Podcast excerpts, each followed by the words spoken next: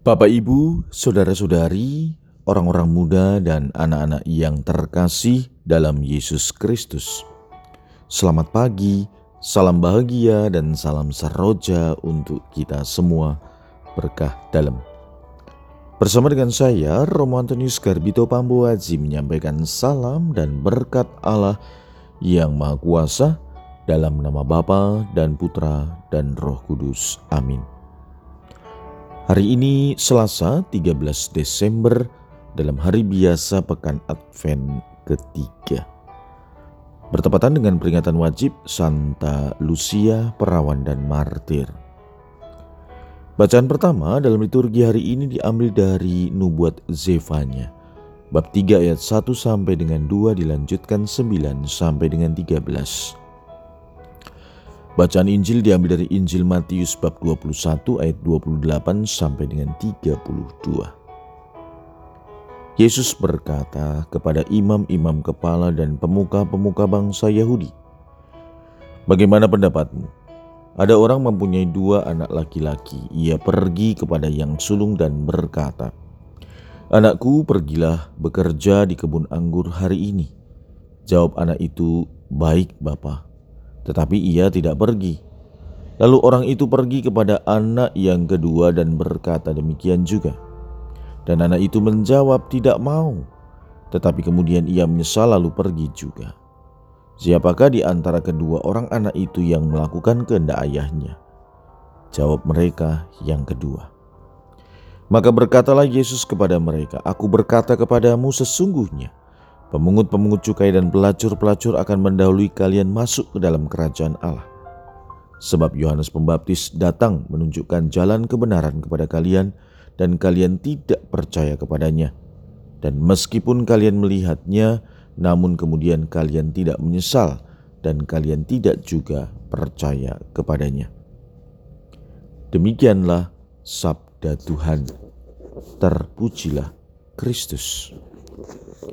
Saudara-saudari yang terkasih dalam Yesus Kristus, sabda Tuhan hari ini mengajarkan kita bagaimana dalam kehidupan ini kita diajak untuk melaksanakan kehendak Bapa karena kita sudah mendengar perintahnya melalui sabda putranya.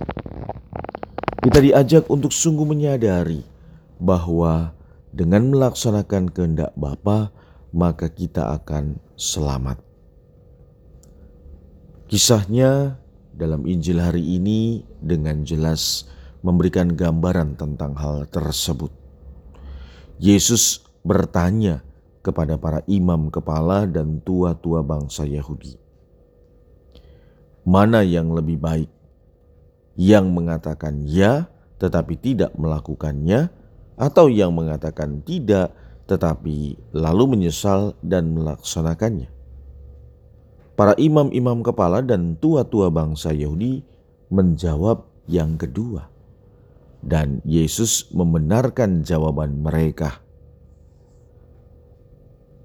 Yesus memberikan perumpamaan bahwa para pemungut cukai dan pelacur akan lebih mendahului mereka masuk ke dalam kerajaan Allah. Mereka diterima karena bertobat setelah mendengarkan pewartaan Yohanes Pembaptis. Tidak demikian dengan para imam kepala dan tua-tua bangsa Yahudi. Mereka tetap saja tidak percaya bahkan kemudian tidak mau bertobat. Mereka tahu banyak tentang kebenaran, tetapi sayangnya mereka tidak mau melaksanakannya.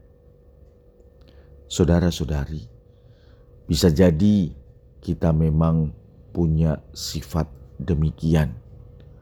Dalam kehidupan ini, terlalu banyak hal yang kita bicarakan, terlalu banyak hal yang kita mengerti tentang apa yang menjadi kehendak Bapa.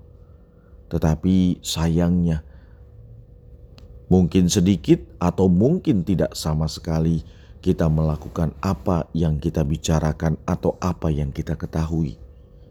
Mari kita bertanya, apakah dalam kehidupan ini kita sudah memberikan kesaksian iman dengan tindakan nyata atau kita masih berurusan dengan kata-kata belaka.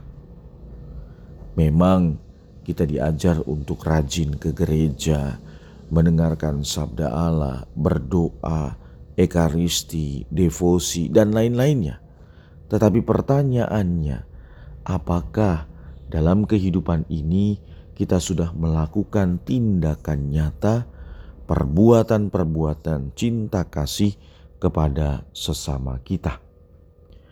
Marilah saudara-saudari yang terkasih, dalam masa Advent ini, di mana masa atau saat Natal semakin dekat, kita semakin harus menunjukkan cinta kita kepada sesama, menunjukkan iman kita melalui perbuatan-perbuatan nyata. Semoga Roh Kudus membantu dan meneguhkan kita. Marilah kita berdoa. Ya Tuhan, rahmat kekudusan kami dambakan. Semoga kami mau bertobat dan semoga kami juga mau melaksanakan kehendak-Mu. Berkat Allah yang Maha Kuasa, dalam nama Bapa dan Putra dan Roh Kudus. Amin.